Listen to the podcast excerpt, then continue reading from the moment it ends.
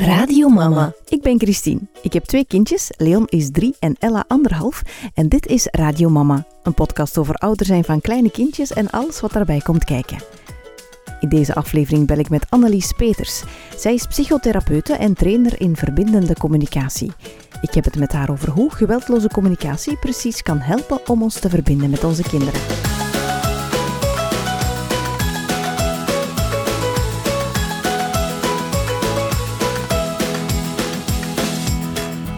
Dag Annelies, welkom bij Radio Mama.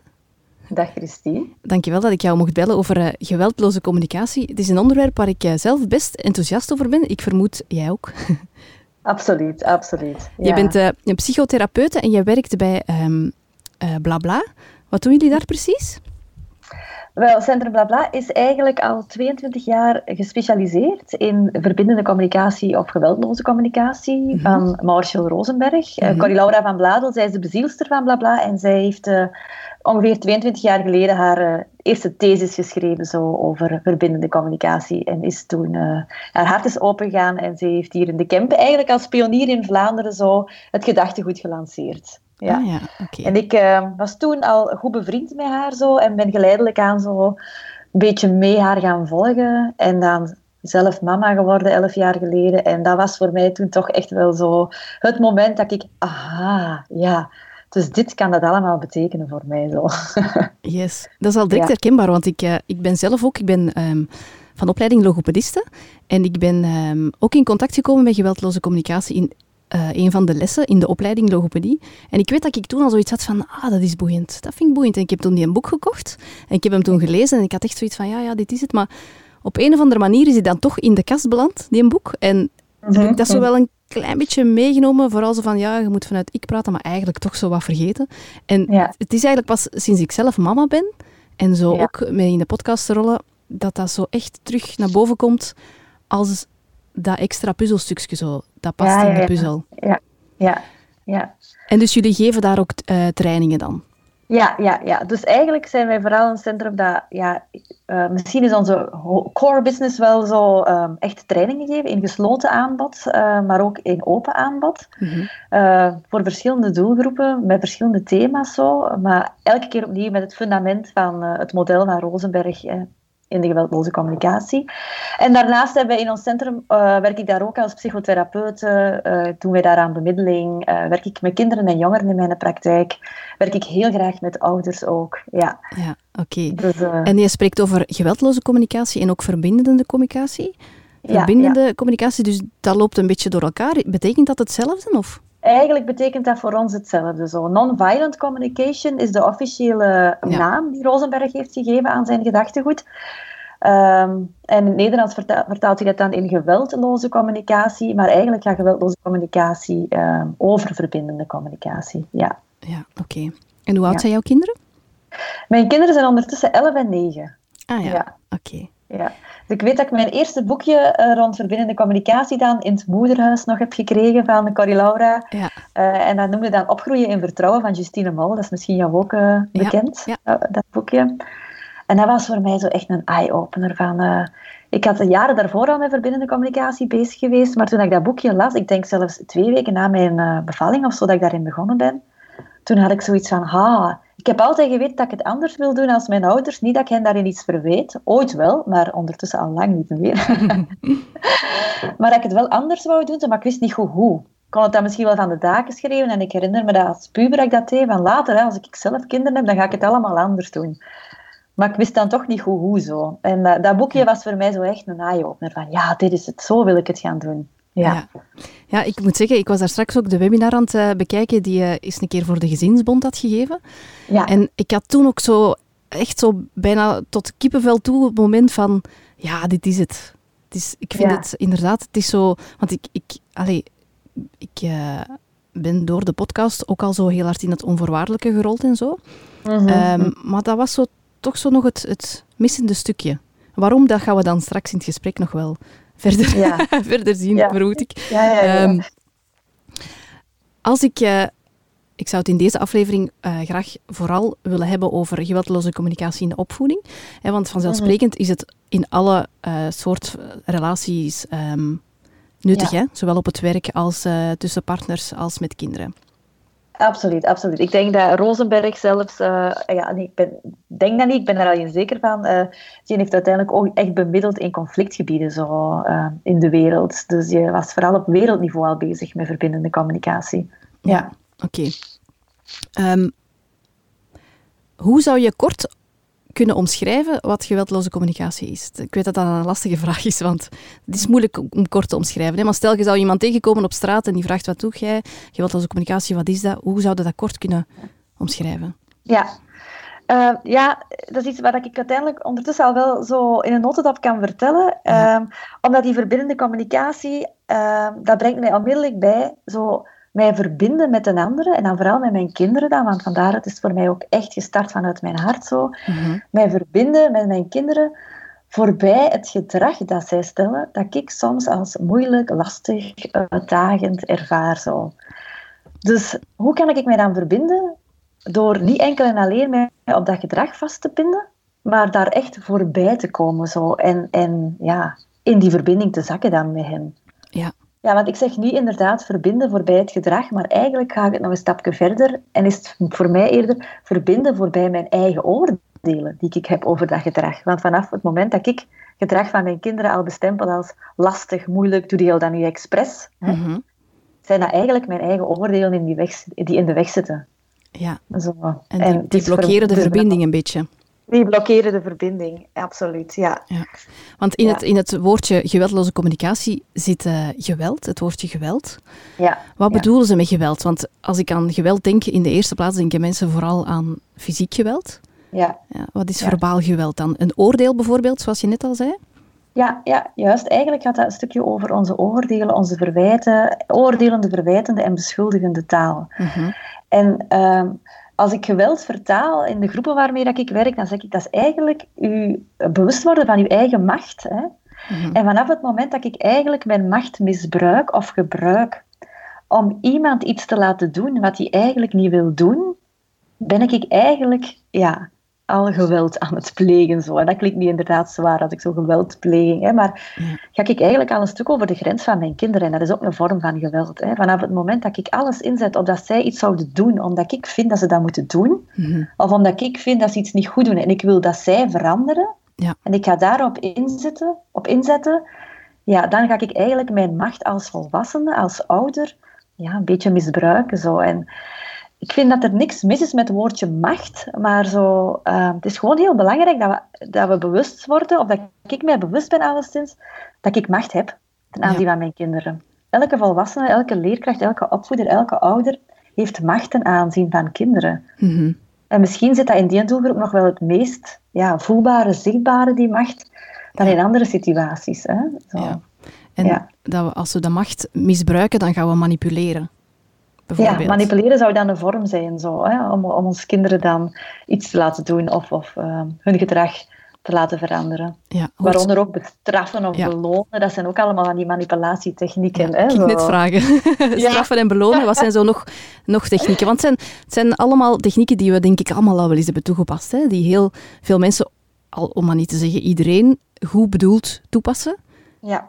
Um, maar waar misschien meer uh, achter zit dan dat we dan dat we misschien weten.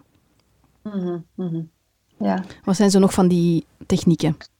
Ja, zo'n strategieën die ik zelf nu nog ken, is zo van uh, zo gaan vergelijken. Zo. Ja. Zo, hè? Zie eens naar je broertje. Zie eens wat dat je wel doet en wat dat jij niet doet. Hè?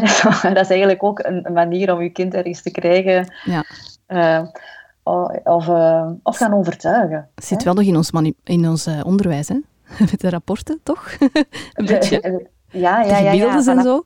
Ja, voilà, gemiddeldes en punten. Ja, dat klopt. Ja, ja, ja. ja vergelijken, straffen en belonen. Ja, overtuigen, dat is ook zo een. Hè. Dat is ook een die ik ken van mezelf natuurlijk. Uh, ik herinner mij nog een keer als, als mijn zoon, denk ik, vijf, vijf jaar of zes jaar was en we gingen naar de zwemles en hij had echt geen zin hoe dat ik dan uiteindelijk...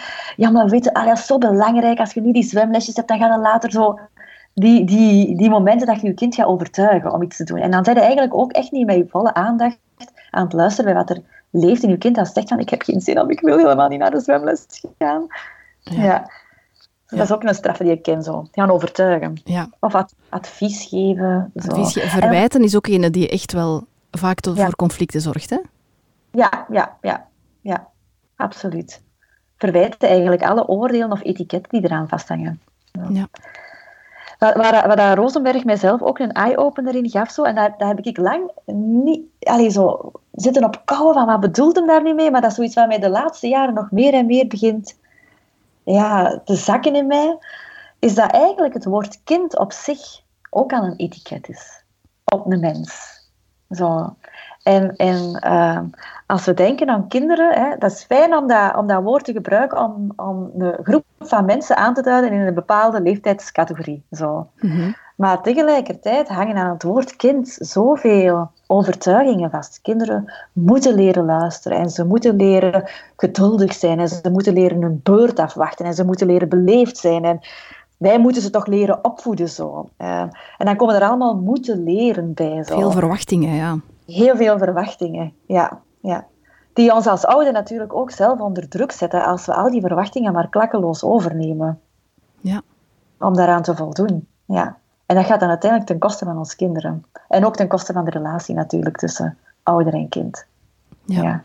Want zo de dingen zoals straffen en uh, oordelen, verwijten, dreigen met straf bijvoorbeeld, hè, is ook zo'n strategie. Mm -hmm. ja. um, dat lijkt op, op het eerste zicht nog redelijk evident dat dat eerder kwaad doet dan goed, of dat dat op, de lange termijn um, niet zo um, ideaal is, zal ik maar zeggen. maar zo, als je het hebt over overtuigen of, of dingen uitleggen of zo, dat hoort er dan ook een beetje bij, maar dat is dan, allez, dat is dan voor mij redelijk nieuw. Ja, weet je, dat is inderdaad, eigenlijk is daar ook niks mis mee. Om zo hè, uw enthousiasme te delen en, en, en uw kinderen te overtuigen of, of iets te gaan uitleggen of advies te geven. Zo. Um, ik wil eigenlijk een beetje loskomen, zo, ook misschien in deze podcast, en ik moet mezelf dat ook herhaal, herhaaldelijk vertellen hoor, van er is geen goed of fout. Ja. Zo, hè.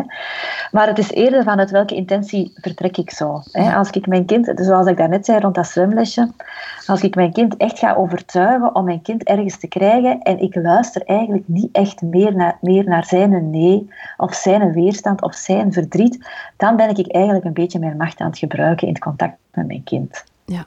Zo.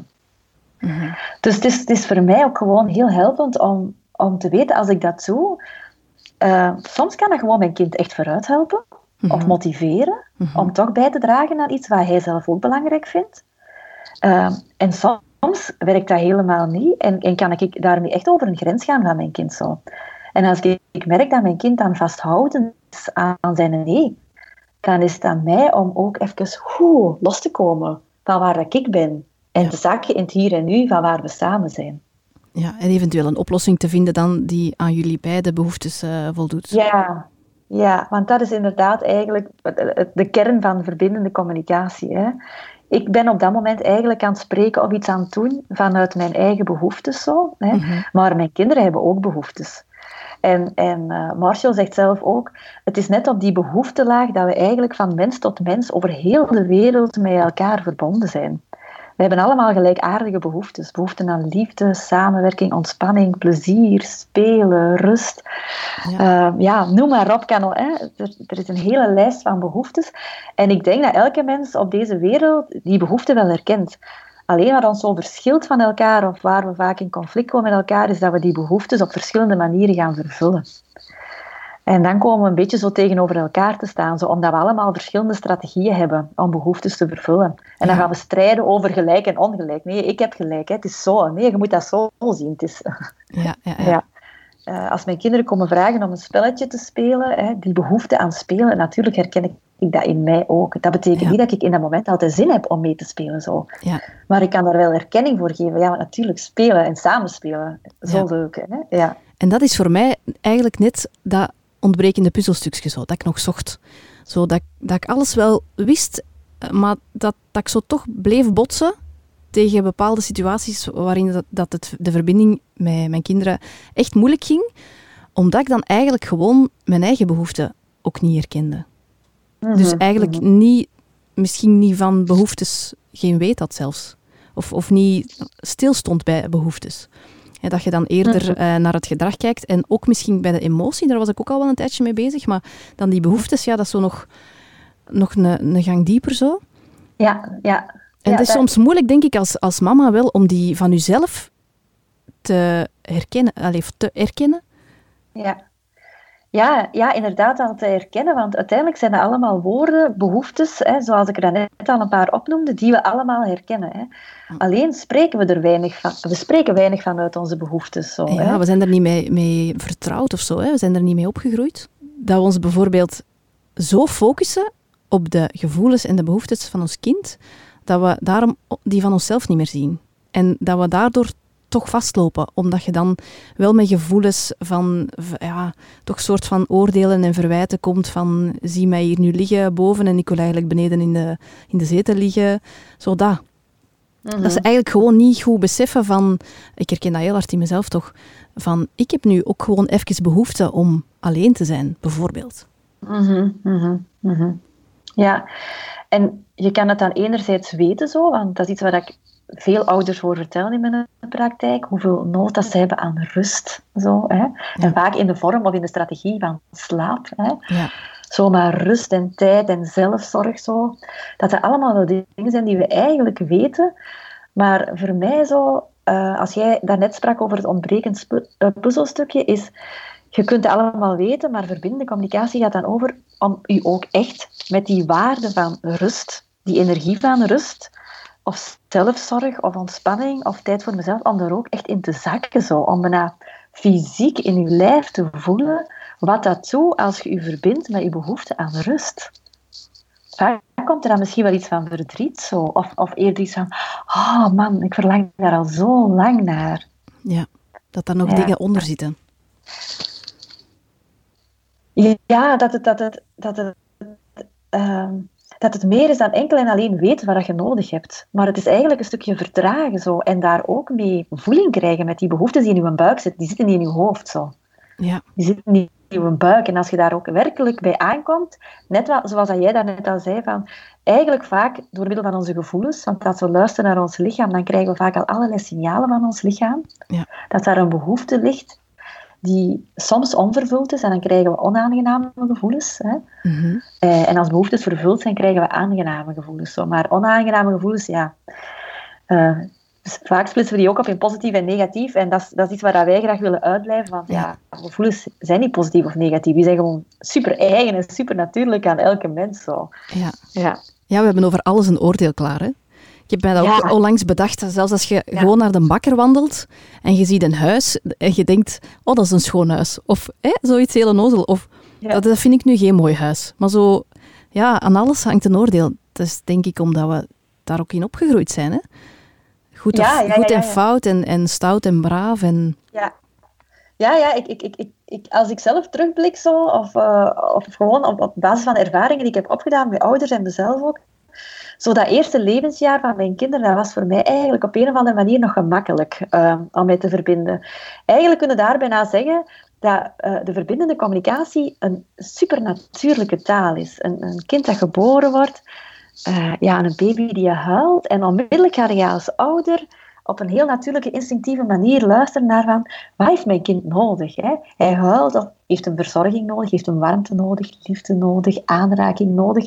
Eigenlijk was dat voor mij al bijna een natuurlijke reflex om die beweging te maken naar mijn baby toe. Zo. ja. Hij huilt en wat heeft mijn kind nodig? En dan gaat het daar ja, aan de hand van uw stem, eh, zo, uw manier van aanwezig zijn, daar helemaal op, eh, op afstemmen. Zo, u daarmee verbinden. En dan, eh, als kinderen zo tussen de negen maanden en de één jaar zo hun autonomie meer en meer beginnen te ontwikkelen, hè? kinderen Mhm. beginnen zich voort te bewegen, te kruipen, de wereld te ontdekken. Mhm. Dus zij gaan geleidelijk aan ook gedrag stellen dat gedreven wordt door die behoeftes. Ja. Die behoefte om te ontdekken, die behoefte om te leren, die behoefte om te groeien, die ligt daar zo klaar. En die kinderen bewegen zich voort en die gaan gedrag stellen zoals een vinger in een stopcontact steken, omdat ze niet nieuwsgierig zijn naar dat gaatje. Hè. Ja. Maar daar zit geen goed of fout op bij die kinderen. Nee. Zo bij, bij die baby's, bij die kruipende kinderen. En ook zo. geen intentie om stout te zijn of om te rebelleren of zo. En ook, ja, helemaal niet. Hè. Maar dan merkte ik bij mezelf dat ik geleidelijk aan wel begon te vervallen zo in mijn eh, ja, goed fout denken of braaf stout denken. Zo van, eh, eh, dat doen we niet. Hè. Zo. Ja. Ehm, dus dat ik dan toch zo geleidelijk aan mijn focus begon te verplaatsen naar het gedrag en minder uh, naar de behoefte zo vanuit, oh, mijn kind wil het ontdekken. Als mijn kind op de muur aan het tekenen was, van, ja. ja dat er dan misschien al sneller bij mij een oordeel of van, oh nee, nee, nee, nee, nee, nee dat doen we niet. Zo. Ja. Uh, dat mag je niet doen, dat is stout, ja. Ja, in plaats van eerst te zakken en uh, ja. ja Natuurlijk, dat het betekent waarschijnlijk wel niet dat de kinderen zomaar in een stopcontact mogen met hun vingers of dat ze op de muur mogen tekenen, vermoed ik, hè? Nee, nee, nee, nee, nee. nee. Ik vind dat Rosenberg daar ook een heel schoon onderscheid maakt tussen uh, beschermende macht en bestraffende macht. Zo. Mhm. Op het moment dat je ingrijpt, omdat je bijvoorbeeld um, je kind een ander kind ziet pijn doen, of um, omdat je ziet dat er mogelijk schade aan, aan, aan, aan omdat je zorgzaam met materiaal in je huis wilt omgaan, bijvoorbeeld. Hè. Ja. Um, dan kun je inderdaad vanuit die beschermende macht optreden naar je kind. En je kind uit een situatie halen, soms ook echt letterlijk plukken, om mhm. ja, je kind te beschermen, omdat je, omdat je verantwoordelijk bent voor de veiligheid van je kinderen. En, ja. ja veiligheid gaat altijd voor. ja, ja, maar dan vertrekt dat inderdaad vanuit mijn behoefte aan uh, mee zorg dragen voor de veiligheid in huis. Zo, hè. Mee zorg dragen voor de veiligheid en voor de lichamelijke integriteit van mijn kinderen. Ja. En dan ga ik misschien soms wel brusk iets doen op dat moment. Mm om mijn kind veilig te stellen. Maar tegelijkertijd kan ik dat ook heel erg, uh, misschien zelfs iets nadien, want in het begin is dat vaak reflexmatig, wanneer het gaat oh, instinctief, instinctief ja. van, het, van, het, reptiele brein, waar Jurgen Peters ook over spreekt. Zo, ja, hè? inderdaad. Uh, waar, je eerst handelt, maar dan iets nadien uh, kan ik wel terug mijn aandacht verleggen van oké, dit heb ik echt gedaan om mijn kind te beschermen. En die bestraffende macht is eerder wanneer dat je je daar niet bewust van bent en dat je op dat moment dat gedrag aan het berispen bent. Ja, Zo. dat je toch een oordeel velt. Ja, ja, ja, ja.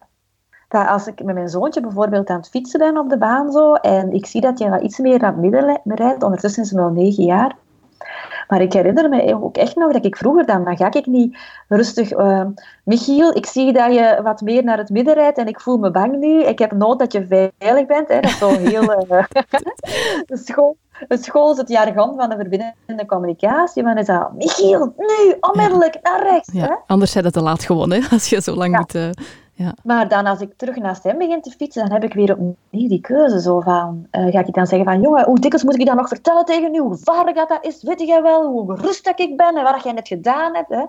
Dat is dan die bestraffende energie. En anderzijds kan ik er gaan naastrijden en zeggen van, amai jongen, ik was echt verschoten. Ik was eigenlijk echt bang. En ik heb geroepen omdat ik jou in de eerste plaats ja, wou dat je veilig was. Ja. En dan ben ik helemaal bij die beschermende macht, bij die beschermende energiezone. ja. Oké. Want ik, had, ik wou net... Um, ik had net, voordat je dit vertelde, in mijn hoofd van die vraag wil ik straks stellen van um, iemand die nog kritisch is, hè, die, die er nog niet echt mee mee is, die zou misschien kunnen zeggen van ja, maar moeten kinderen dan niet bepaalde dingen leren? Is het niet onze taak om kinderen te leren uh, dat je sommige dingen niet mag doen in deze wereld of zo bijvoorbeeld? Mm. Ja, ja dat, dat, is, dat is zo misschien degene waar dat de ouders, wanneer dat ze voor de eerste keer in contact met verbindende communicatie komen, eigenlijk wel bijna altijd aan bod komen of het meest mee worstelen. Zo. Um, en ik denk dat dat ook vaak een van mijn vragen is geweest toen ik, een opleiding, toen ik volop opleidingen aan het volgen was uh, binnen de verbindende communicatie. En nu ben ik op een punt gekomen dat ik eigenlijk best wel mijn vertrouwen kan vastpakken dat kinderen eigenlijk echt wel leren als wij het gewoon maar voorleven zo. Ja. ja. Uh, ik, ik, ik weet dat dat zo een voorbeeldje is dat, dat ik uh, zo de dankjewel zo. Hè. Kinderen moeten toch leren dankjewel zeggen als ze bij de bakker staan en ze krijgen nog een snoepje van een bakker. Hè. Ja. Uh, dan moeten ze toch dankjewel zeggen. En dat is iets wat ik eigenlijk nooit aan mijn kinderen gevraagd heb, heb om dankjewel te zeggen. Maar dat is wel iets wat ik zelf heel veel gedaan heb. Zo. Ja. Als een tekening voor mij maken, als iets gaven aan mij. Zo. Ehm, en eigenlijk kan ik nu zeggen, ik heb zo'n dankbare kinderen en ik heb eigenlijk hen geen enkele keer verplicht om dankjewel te zeggen. Ik weet ook als ze bij de bakker stonden en ze kregen een snoepje, voor mij was de vreugde dat op dat gezichtje af te lezen was. Wanneer dat een bakker het snoepje overhandigt aan mijn kinderen, dat is dankbaarheid. Ja. Dat is pure dankbaarheid. Ja, ja, ja dat is het. Ja. En dan is gewoon dat woord dankjewel een andere strategie. Ja, en ze leren dat toch van het van u te zien, sowieso, hè? En ze leren Mama zegt dankjewel en... Uh... Ja, ja. Ja, ja, en ik heb zo'n nichtje van twee jaar waar ik meter van ben. En ik weet dat zij zo... Uh, ik herinner me dat nog, een jaar geleden daarmee aan het spelen was. Zij gaf iets aan mij. En Mhm. ik zei dankjewel. En dan moest zij zo heel erg lachen. en, dan gaf ik, en dan gaf ik dat terug en dan zei ik alsjeblieft. En zo hebben wij dat denk ik echt twintig keer over en weer gedaan. Zo. En Ja. dat vond zij hilarisch. Maar Ja, dat is al spelenderwijs dat je ook iets voorleeft. Zo, hè? Zo, kinderen dat leren veel wel. uit spel inderdaad en uit het Ja, voorleven van de ouders. Hè? Ja, ja. ja, ja. Mijn dochter van anderhalf die zegt ook altijd dank je, maar die zegt dat, dat. we hebben ook nooit daartegen, het kind is anderhalf, dus we hebben nooit gezegd je moet dank u zeggen, want dat vraag je niet van een eenjarige. Hè? Wat die Nee, toch nee. zegt hij altijd als je die iets geeft, zegt hij dat. Het is toch niet het juiste woord, maar we weten ondertussen dat dat dank u betekent.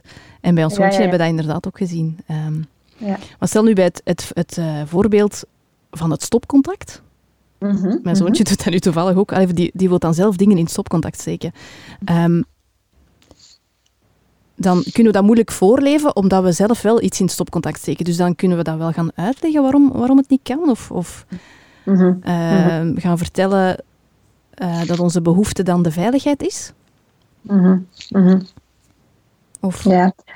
Weet je, op, op zulke jonge leeftijden, zo waarover jij nu spreekt, en als je merkt dat, want ik denk dat dat voor elk kind verschillend is, hè, zo, als je merkt dat jouw kind elke keer toch opnieuw terug naar dat stopcontact gaat, zo, en dat dat stopcontacten zijn die mogelijk nog een risico kunnen vormen, ehm, of dat ze er recht zitten in te keuteren met iets of zo, hè, ehm, dan, dan, dan ben ik bijna geneigd om te gaan kijken van oké, als we dan stilstaan bij de behoefte aan veiligheid, hè, dan is aan uw kind vertellen dat dat gevaarlijk is ook maar weer één manier om te zorgen dat er veiligheid is. Zo, of dat we samen zorgen dragen voor veiligheid. Een andere strategie zou kunnen zijn dat de stopcontacten, waar dat hem aan kan of waar dat hem steeds naartoe kruipt, dat we die misschien eventjes afdekken. Zo. Ja.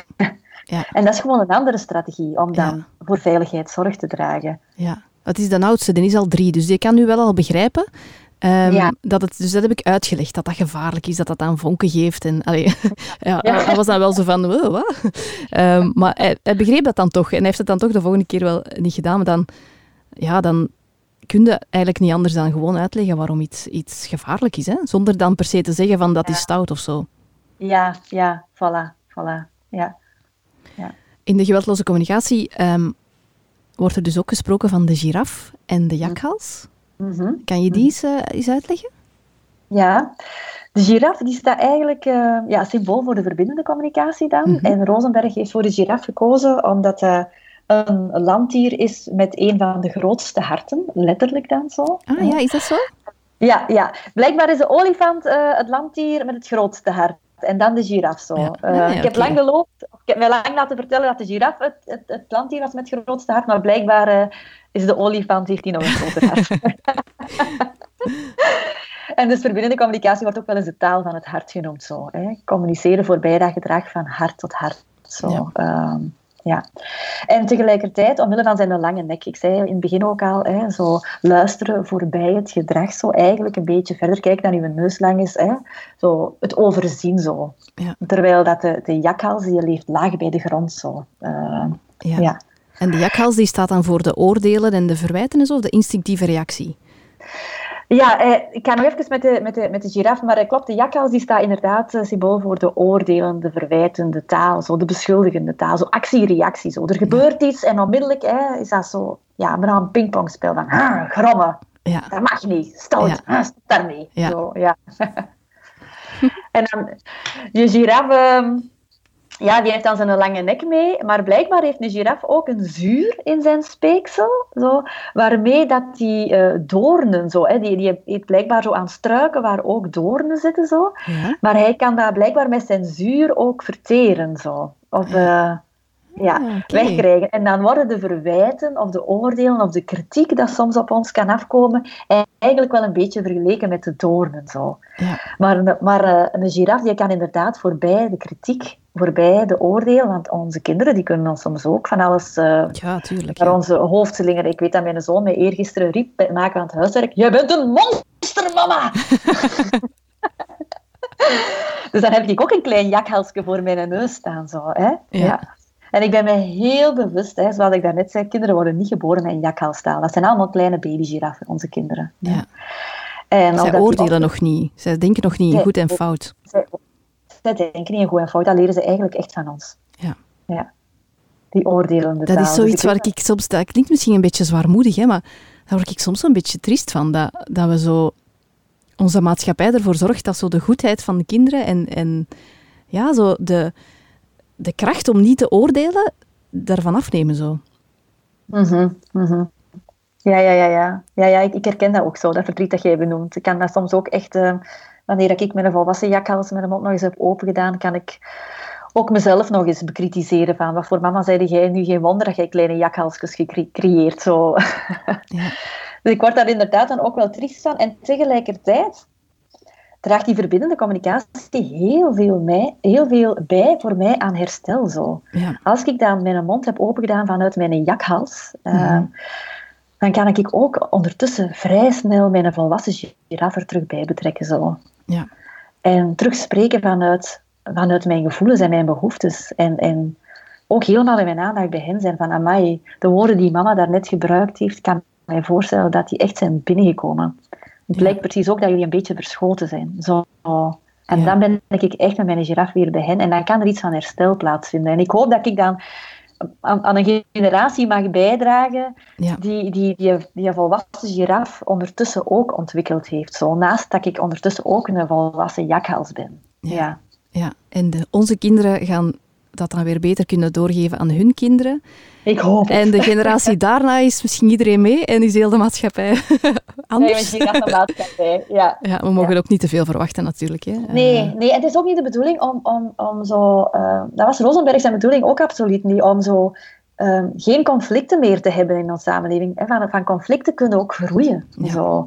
En het is net als je die eh, giraf, je met die giraforen kunt luisteren naar elkaar of vanuit de giraf eh, kunt spreken, dan wordt net een conflict een, een zeer eh, schoon leermoment voor beide, zowel voor ouder als voor kind. ja. En dat zijn inderdaad vaak mijn, mijn, mijn, mijn allerschoonste ervaringen zo. Na heftige conflicten, hoe verdiepend dan de verbinding is. Ja. Zo. En wat we daar dan allemaal uit meenemen. Ja, dat zijn cadeautjes. ja, absoluut. Dus uh, jakhalsreacties, ik denk dat iedereen er, er, er wel tientallen kan bedenken. Ja. Van, van reacties die klaar En ze zijn ook heel menselijk, hè, vermoed ik. En ze zijn ook heel menselijk, ja, ja, voilà. Want ehm, je kunt wel jakhalzen naar buiten toe, naar anderen toe, maar we hebben ook echt allemaal een jakhals naar onszelf toe. Hè? Want vanaf Ja. het moment dat ik dan, eh, of, of, of even voortgaan op jouw situatie, mij door mijn allereerste automatische reactie heb laten leiden, hoe vaak herken ik dan niet naar mezelf toe van, fuck, Annelies, hè? Ja. dat had het toch anders kunnen doen. En, en jij bent dan ondertussen al zo getraind in die, in die giraf. Hè? Zo. Ja. En dan zet ik mezelf op mijn kop aan het geven. Wat, wat voor mama zeide jij? En wat voor een trainer zei jij? Wat voor een therapeut zei jij? Zo. En zei je wel de moeite waard om dan andere gezinnen verder te helpen als je het zelf nog niet in je eigen gezin kunt. En dat zijn dan die typische jakhalsreacties Ja. naar jezelf toe, die je helemaal onderuit halen. En daar zit voor mij dan ook vaak echt ja, een bron van lijden. Ik maak mezelf verantwoordelijk dan, ik beschuldig mijzelf dan. Ehm, ik maak mij verantwoordelijk voor, voor wat ik mijn kinderen allemaal aandoe. Ja.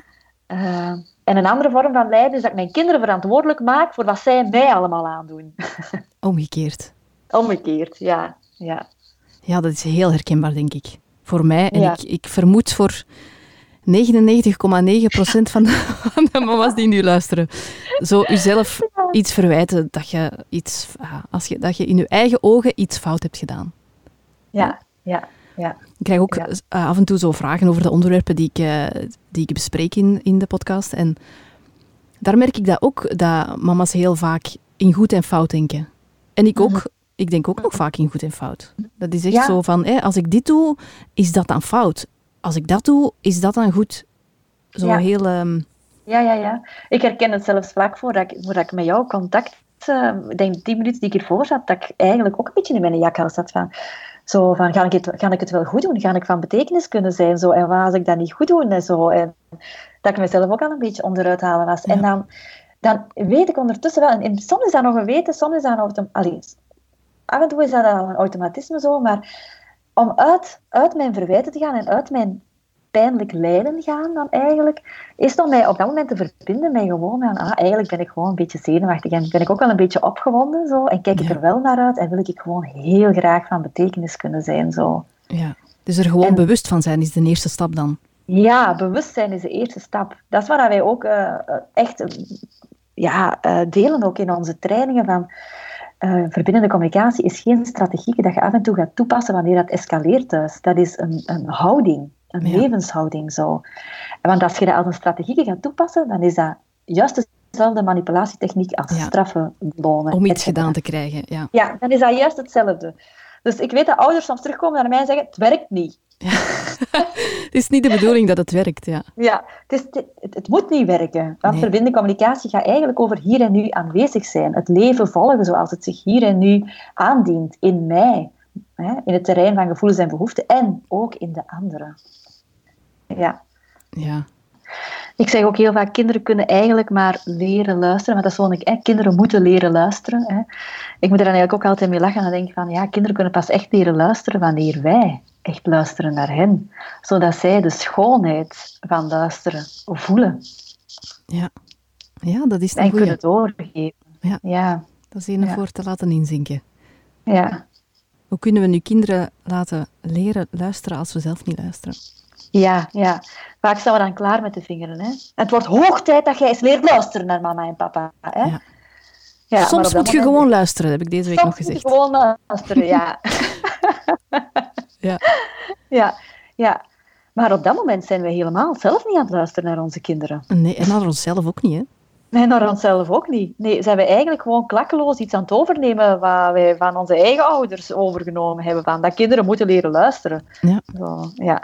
Ja, en dan zit daar die boosheid, irritatie, frustratie, die dan komt van een eigen behoefte of een eigen gevoel. Ja, dat dan ja. eigenlijk naar boven komt en eigenlijk al de rest bedekt. Of ja, zo. ja.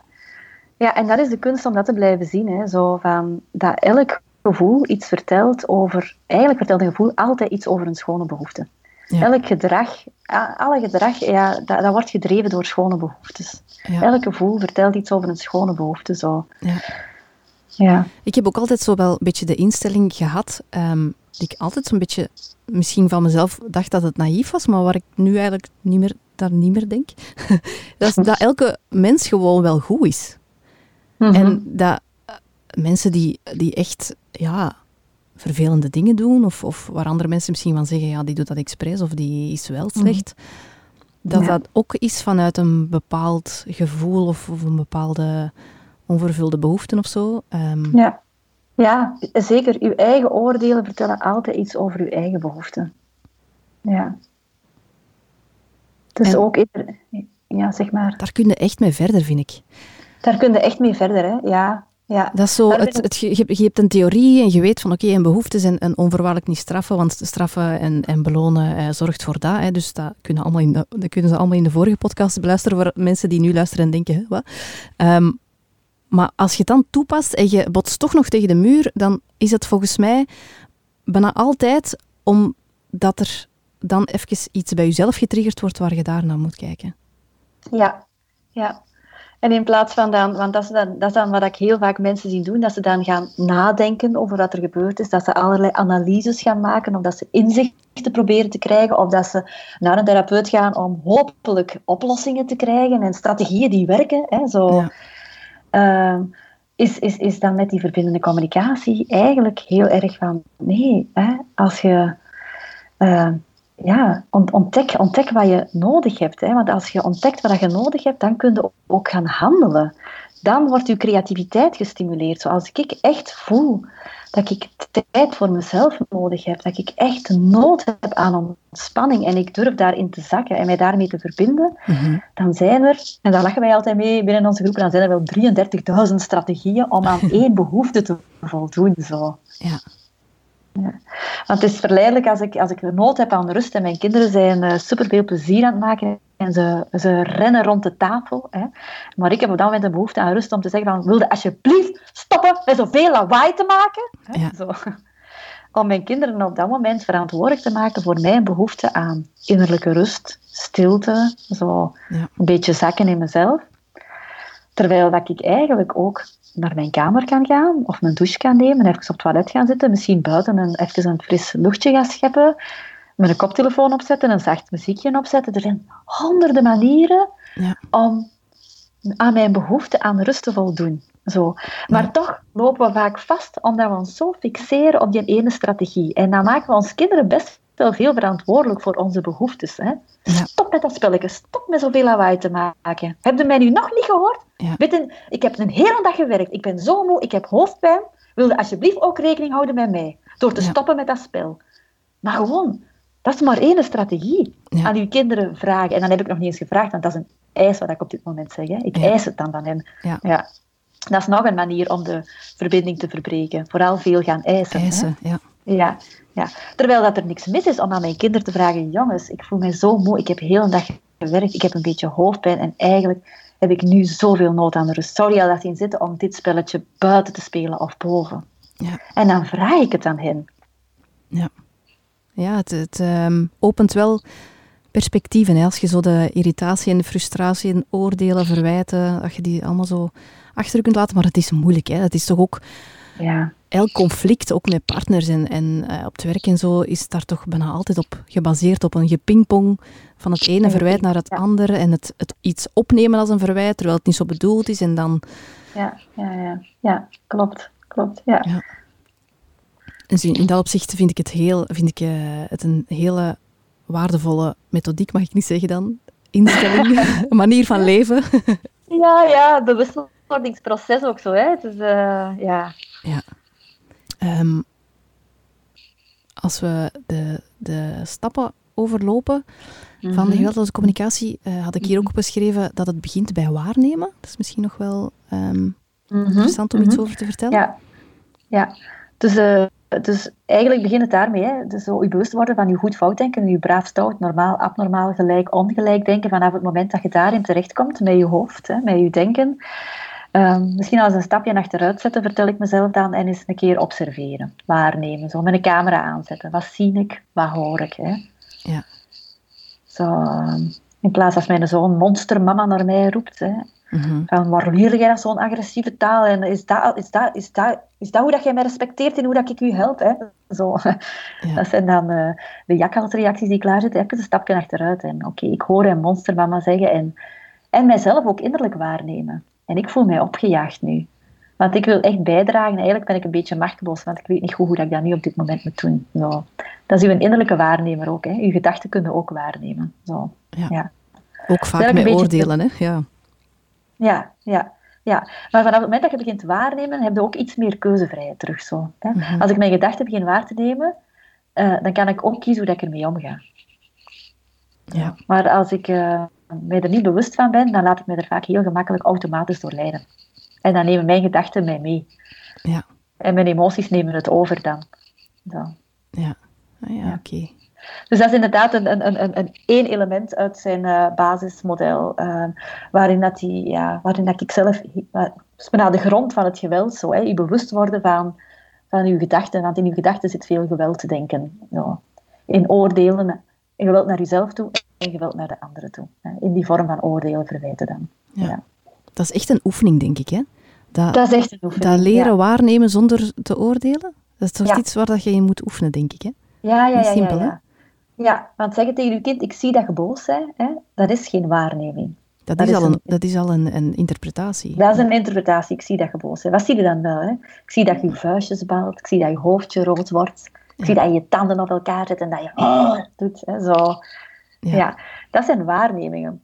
Dat kan soms helpend zijn om zo, ja, ehm, gevoelens aan, aan, aan zo ook uh, lichamelijke expressie een beetje te koppelen. Zo, hè? Hoe dat kinderen dan inderdaad leren hoe dat je eruit ziet als je boos bent. Hè? Zo. Ja. Ja. Maar er is niks zo ambetant aan iemand die uw, uh, die uw gedrag invult. Hè? Als ik thuis kom aan een lange werkdag en, mijn man, en ik zucht en mijn man zegt, wat is het, is uw dag niet? Ja, of je zegt gewoon moe. ja, ja, ja, voilà. Hè? Dat is iets anders dat hem zeggen, zou het kunnen dat je moe bent, Annelies? Hè? Ja. Dat, opent, dat opent mij meer en zeggen, ja, ik ben keimoe. Hè? Dan dat men zou zeggen, wat is dit een dag niet? Maar nee, helemaal niet. Die reactie zal dan eerder klaarzitten. Dus vanaf het moment dat je eigenlijk gaat invullen, dan gaat er vaak zo al een, uh, ja, meer iets van, van, van weerstand of uh, verdediging klaarzitten. Zo. Ja, ah, ja oké. Ja. Dat zou je bij een driejarige ook al kunnen, kunnen doen. Hè? Zo, nu zeg ik wel vaak van, uh, ik zie dat je boos bent. Ja. En dat ik je dan ook zou kunnen proberen om te zeggen, ik zie dat jij aan het huilen bent en dat jij in het rond stamt, zou het kunnen dat je boos bent. Ja, bijvoorbeeld. Dan koppel je inderdaad wat je ziet al mogelijk aan een, aan een gevoel dat bij hem zou kunnen leven. Want helemaal zeker ben je niet dat hij boos is. Hè. Zo, ja. En dan gaat hij misschien ook gemakkelijker zeggen... Nee, mama, ik ben niet boos, ik ben verdrietig of zo, bijvoorbeeld. Bijvoorbeeld, ja. ja. Dat is iets waar ik mijn kinderen nu zie doen. Wanneer ik mij probeer in te leven en ik gis naar een mogelijk gevoel, dat zij de nuancering erin brengen. Zo. Ja. ja. Maar doordat ik eerder gis naar een gevoel, uh, leren ze ook taal voor gevoelens. Ik hoor veel ouders dan wel eens vragen, ja, maar hoe voelde u dan? Zeg dan hoe dat u voelt. Maar heel jonge kinderen, zo, en, en zelfs niet alleen jonge kinderen, veel oudere kinderen zeggen, ik weet niet hoe dat ik mij voel. Hè. Dus zo uh, gissen naar die gevoelens helpt kinderen ook echt taal te geven en te checken bij zichzelf, is dat wat ik voel? Of nee, het is toch iets anders zo. En die nuancering kunnen wij als ouder bij zeer jonge kinderen zelf inbrengen. Hè. Uh, maar uiteindelijk leert zij dat gaandeweg wel, zo, om dat af te checken bij hun. De emotionele geletterdheid. Dat is uh, een onderwerp waar ik graag nog een aparte podcast over wil uh, wijden, maar dat zien we dan later um, Oké. Ehm, verzoek versus eis, dat uh, hebben we denk ik al wel um, aangehaald ook, hè? of niet? Ja, misschien is dat, misschien is dat nog een stukje waar ik klein, iets, aan, iets klein aan kan toevoegen. Iets klein en tegelijkertijd ook wel iets groot. Zo. Mhm. Ehm, dat, uh, vanaf het moment dat we dan zo dat, dat gevoel zijn, dat behoefteterrein aan het verkennen zijn, aan het ontdekken zijn en van daaruit ook beginnen te spreken zo, en dat graag willen in ons leven integreren, mm dan, dan hoor ik wel eens zo, en ik herken dat bij mezelf ook zo, hè, dan krijg ik wel eens reacties terug van ja, en ik heb het dan gezegd dat ik het echt belangrijk vind om, om beluisterd te worden, zo, maar dan luistert hem niet. Zo, hè. Ja. Um, en dan zijn we misschien al wel zo aan het oefenen of aan het spelen met het uitdrukken van onze behoeftes. Maar weet je, behoeftes zijn best nog wel enerzijds duidelijk en tegelijkertijd ook wel heel vaag. Hè? Mm Ik heb behoefte om beluisterd te worden. En dan? En dan? Ja. ja. Een concreet verzoek zou dan kunnen zijn: heb je op dit moment een momentje om eventjes naar mij te luisteren? En dan kan een kind daarop heel concreet, allee, dan, dan wordt voor een kind heel concreet wat er eigenlijk gevraagd wordt um, vanuit ons behoefte. Ja. Of wil jij heb jij, zullen we straks na het eten eventjes tien minuten samen op de zetel gaan zitten? Ja. Dat is dan een andere strategie, maar eigenlijk zijn dat een beetje uw strategieën die je uh, ik ben even een beetje afgeleid. Ik ga de deur achter mij. dat is goed, doe maar. ik hoor mijn man tegen mijn kinderen spreken. ik wil graag met mijn volle aandacht nog eventjes bij jou blijven. Dus een momentje.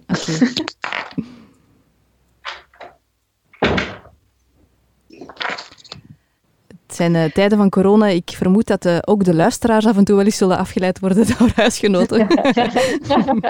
nee, maar ook in deze tijden van corona trouwens, om u even te onderbreken, um, is het wel extra nuttig, hè? We zitten allemaal zo op elkaars vel. Ja. ja. En dat geeft wel conflicten, hè? Mm Maar sorry, jij mhm. was aan het vertellen. Over de verzoek uh, versus eis. Ja, ja, ja, ja. Dus dat verzoeken gewoon heel helpend zijn om aan kinderen te stellen, zodat ze dan ook weten wat je eigenlijk graag wilt. Ja. Zo, hè. Ik heb behoefte aan rust. Hè. Laat me nu met rust. Ja. Willen jullie dit spelletje buiten gaan spelen? Of boven gaan spelen. Dat is duidelijk, dat is helder voor kinderen. Dan weten kinderen waar dat ze ja of nee tegen zeggen. Ja. Zo. Dus een verzoek is heel concreet naar kinderen toe. En een verzoek blijft wel een verzoek, want dat is een grote valkuil. Dat betekent dat als ik iets vraag aan mijn kinderen, vanuit mijn behoefte, altijd gedreven door een behoefte, hè, mhm. dat zowel hun ja, maar ook hun nee welkom is. Ja.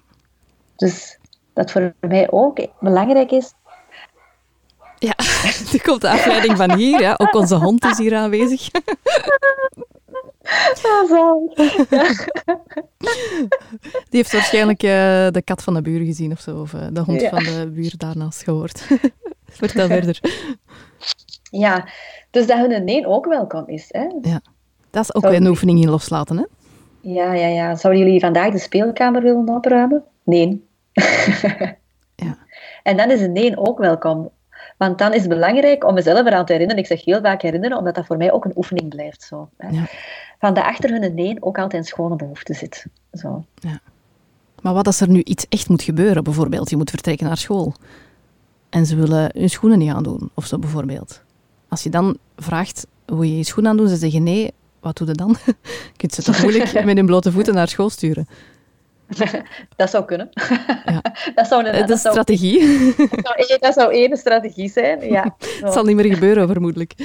Ja, ja wat, wat, wat er spontaan altijd eerst in mij naar boven komt, is... Ehm, wanneer dat je een vraag stelt dat eigenlijk een eis is, dan mhm. ga je paradoxaal genoeg uh, bijna nooit de medewerking krijgen die je zou willen. Zo.